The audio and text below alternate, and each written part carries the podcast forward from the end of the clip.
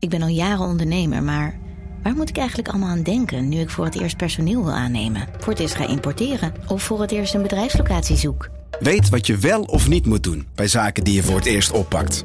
Check kvk.nl voor praktische stappenplannen. KVK, hou vast voor ondernemers.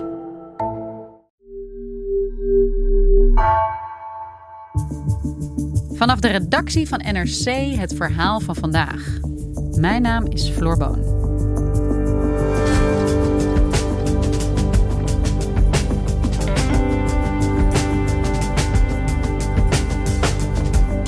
Hevige overstromingen, verwoestende bosbranden en extreme hitte. Klimaatverandering maakt Australië steeds minder leefbaar en vormt voor veel mensen een reële bedreiging. Ze raken hun huis kwijt of moeten zelfs vluchten voor natuurgeweld. Ook de sociale en economische gevolgen zijn enorm, ziet correspondent Meike Weijers.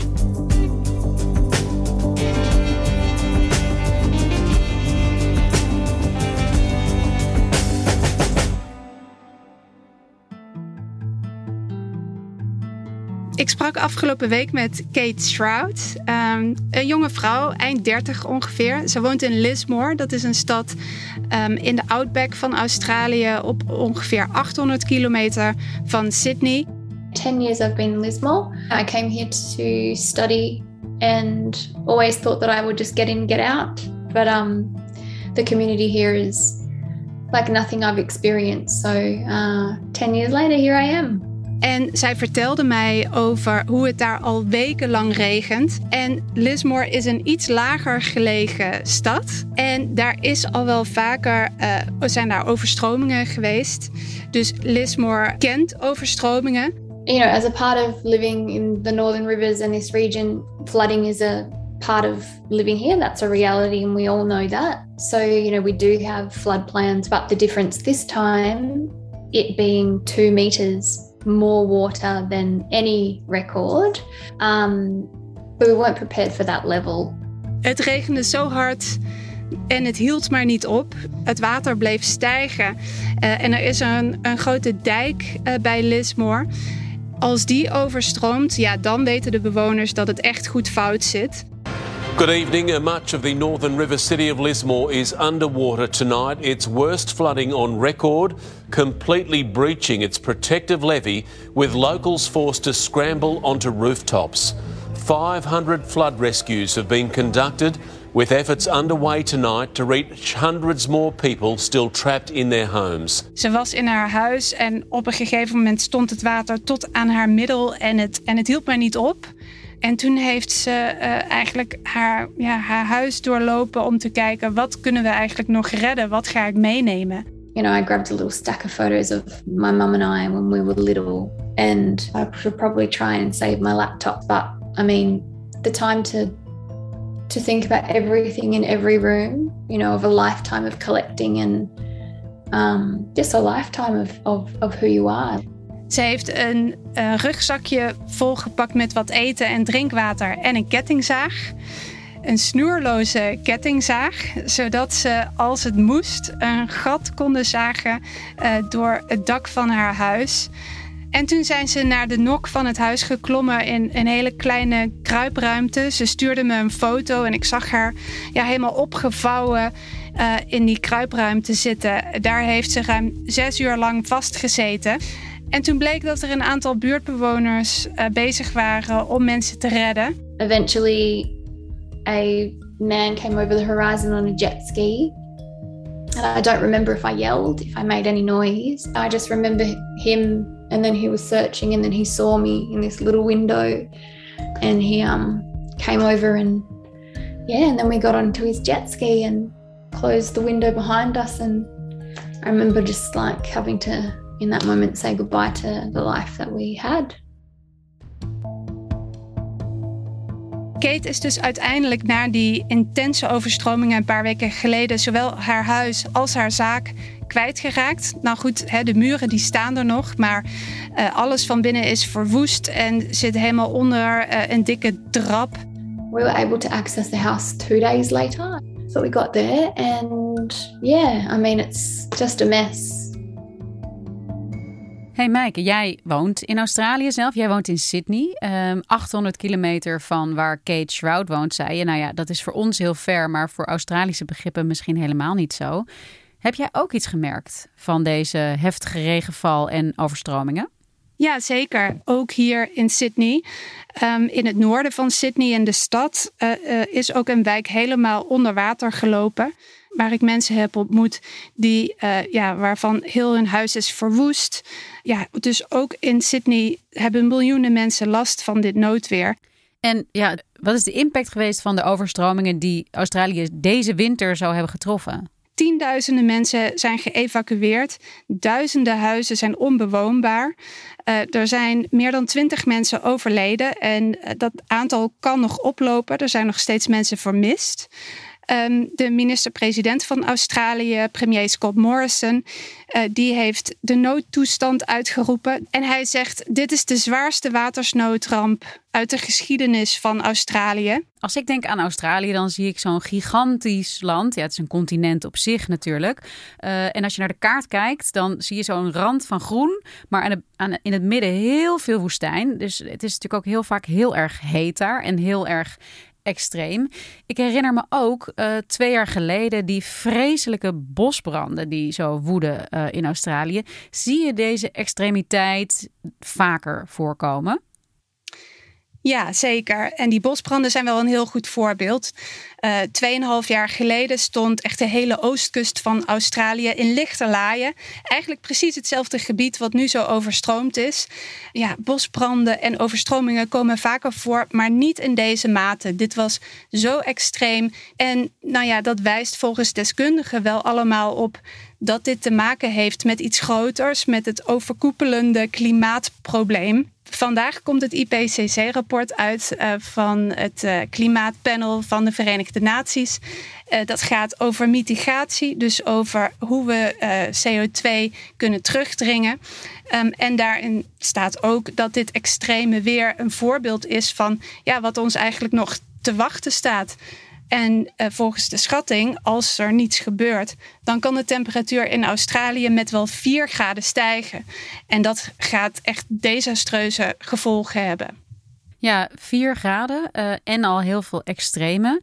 Uh, kan je op basis van deze voorspellingen van die deskundigen ook vertellen waar die problemen nu het meeste zullen gaan ontstaan? Wat zijn de verwachtingen?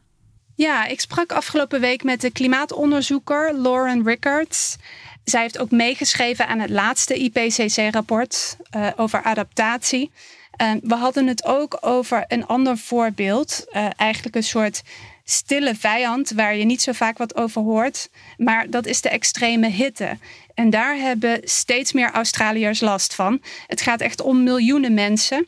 Moet je voorstellen, een stad als Sydney um, is heel erg dicht bevolkt in het centrum. En dan steeds verder het binnenland in uh, heb je van die gigantische woonwijken. Um, en die zijn aangelegd door gewoon hele stukken bos, zeg maar platte walsen. Um, en daar zijn van die ja, woonwijken uit de grond gestampt. Die totaal niet zijn gebouwd met het oog op de omgeving. Uh, het gaat om huizen die uh, zwarte daken hebben. Uh, er zijn zwarte straten overal, zwart asfalt, beton.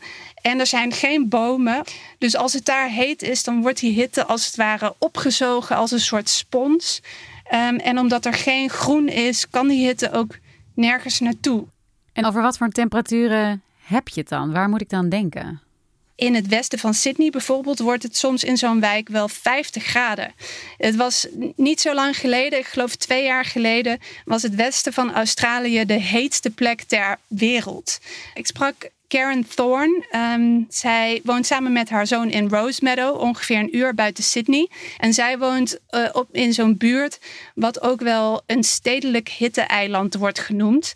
Er is gewoon, ja, het is soms zo heet dat ze niet weet wat ze met zichzelf aan moet. So my son is unfortunately in one of those rear bedrooms, and I've actually uh, had a thermometer in that bedroom, and it has reached up to 38 degrees at around 7:30 in the afternoon. He will actually perch himself outside of his bedroom on the floor in the dining room on the tiles, sleeps there all night. It starts to get on on your nerves after a while, and you do become irritated. It's like you just can't escape it. Ja, het is altijd gek om te bedenken vanuit Nederland, waar uh, wij ook al met heftigere temperaturen te maken hebben. Maar dit gaat wel echt over, nou ja, 50 graden kunnen we ons nauwelijks een voorstelling van maken. Um, maar wat jij schetst, hè, overstromingen, uh, bosbranden, heel slecht gebouwde huizen, uh, heel veel zwart en heel veel hitte. Het klinkt echt als een recept voor een ramp eigenlijk. Hoe gaat de Australische politiek hiermee om? De Australische politiek heeft eigenlijk nog geen manier gevonden om hier goed mee om te gaan. Het is een heel groot land waar mensen ook vaak op zichzelf zijn aangewezen. dat idee van uh, de Australiër in de outback die het allemaal zelf wel regelt. Dat idee dat is wel heel sterk hier. Um, en ja, dat je te maken hebt met extreme in weer, maar bijvoorbeeld ook extreem gevaarlijke dieren. Dat hoort er allemaal bij. Dus lange tijd heeft de Australische regering ook gezegd: dit is een onderdeel van wie wij zijn. De Australische regering is heel erg aan het zoeken naar een manier waarop zij hiermee moeten omgaan. Um, Kate Shroud bijvoorbeeld, die was daar ontzettend gefrustreerd over toen ik haar sprak. Uh, want die zegt de Australische regering die negeert gewoon het, het grote probleem en dat is klimaatverandering. Kate was er wel zo klaar mee nadat ze haar huis en haar zaak was verloren is dat ze uh, eigenlijk al haar verwoeste spullen in een karretje heeft gedumpt. En samen met een paar buurtbewoners die 800 kilometer naar Sydney is gereden. Uh, om daar voor de deur van uh, de residentie van de premier Scott Morrison um, haar, haar spullen te dumpen. Om op die manier aandacht te vragen voor, ja, voor haar situatie, maar ook echt voor de oorzaak van die overstromingen. The flood victims are staging a protest outside the Prime Minister's house. Carl, good morning. I'm joined by about nine Lismore residents who've travelled overnight to be here in Sydney. Uh, what you can see before me is the remnants of their homes, their livelihoods, their property. So you've got toys, you've got homewares, you've even got a Christmas tree there. Zij voelt zich enorm moedeloos en ze is kwaad op de politiek. ja, voor het eerst eigenlijk heeft premier Scott Morrison ook erkend dat klimaatverandering een grote rol speelt. Premier Scott Morrison zei zelfs dat Australië een moeilijker land wordt om te leven, dat het leven hier zwaarder wordt. Australia is becoming a harder country to live in because of these natural disasters. Nou, dat is eigenlijk uh, uh, voor het eerst dat hij dat, hij dat erkent. Maar dat betekent nog niet dat hij er ook meteen actie op onderneemt. Want wat voor een klimaatbeleid heeft Australië? Heeft, is er überhaupt een klimaatbeleid op dit moment? Uh, er is een klimaatbeleid. Uh, Australië heeft gezegd dat ze klimaatneutraal willen zijn in 2050, net als uh, eigenlijk heel de wereld. En dat was een hele stap voor Australië, maar in vergelijking met andere landen stelt het natuurlijk niet zo heel veel voor. Uh, in Glasgow bij die klimaattop ging het er vooral om dat er voor 2030 iets moet gebeuren. Nou, dat wil uh, de Australische regering absoluut niet beloven. En deze week was het een soort Prinsjesdag in Australië. De begroting werd gepresenteerd. En daarin zag je ook dat er eigenlijk bijna geen geld uh, was vrijgemaakt om iets te doen aan klimaatactie. Dus ja, het klimaatplan van Australië is eigenlijk laten we afwachten wat mensen zelf doen en waar het bedrijfsleven mee komt.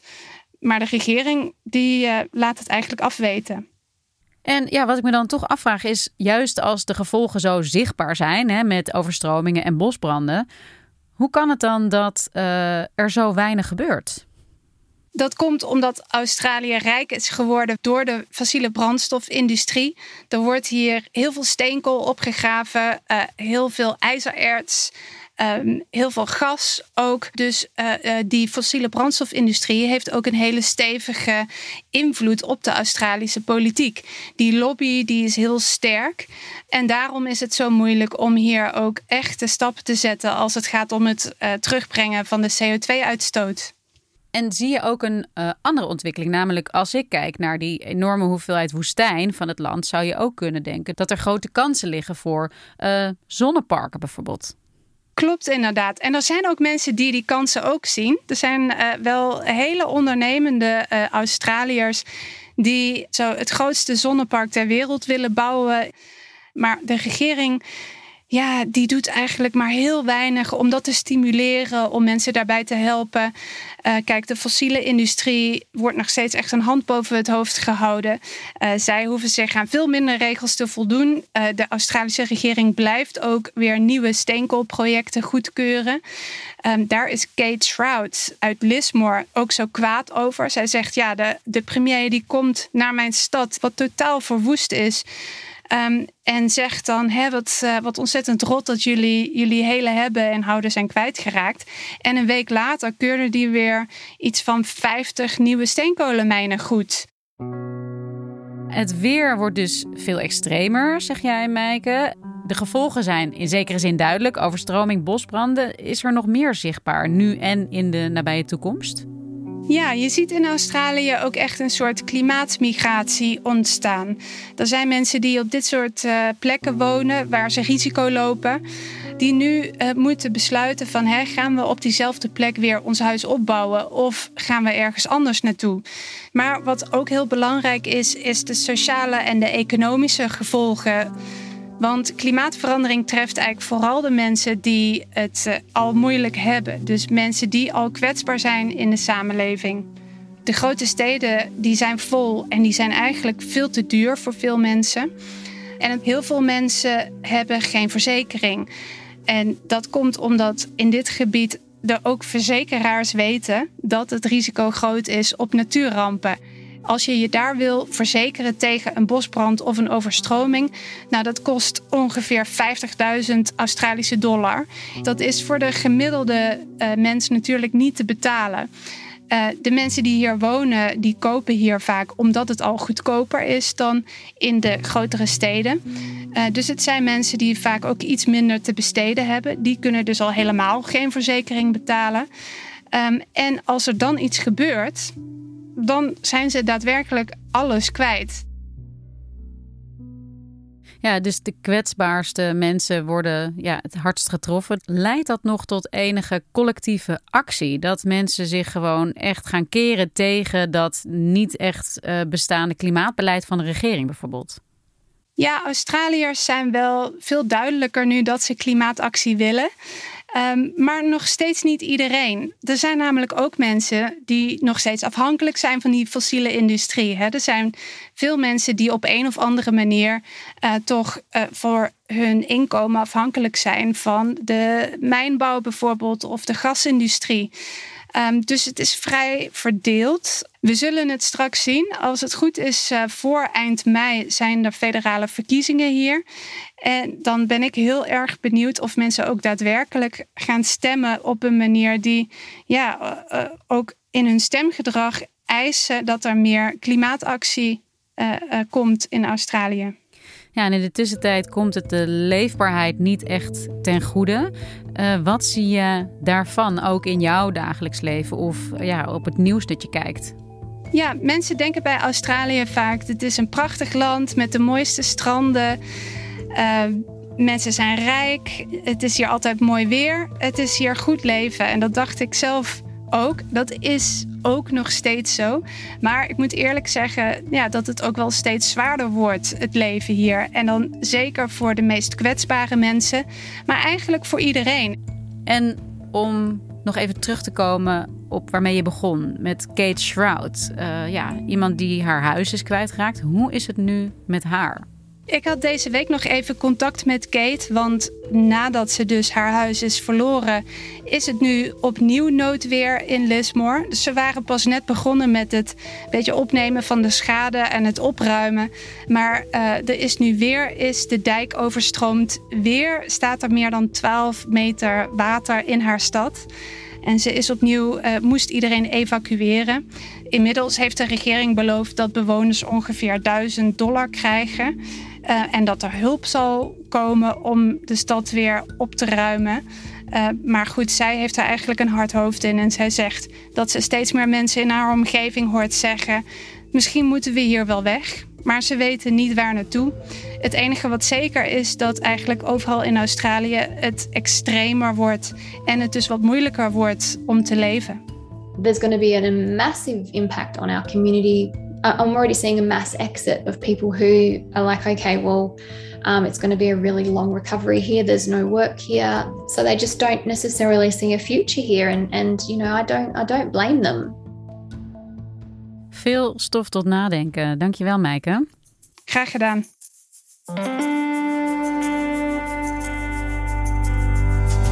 Je luisterde naar vandaag, een podcast van NRC. Eén verhaal, elke dag. Deze aflevering werd gemaakt door Nina van Hattem en Marco Raaphorst. Dit was vandaag. Morgen weer.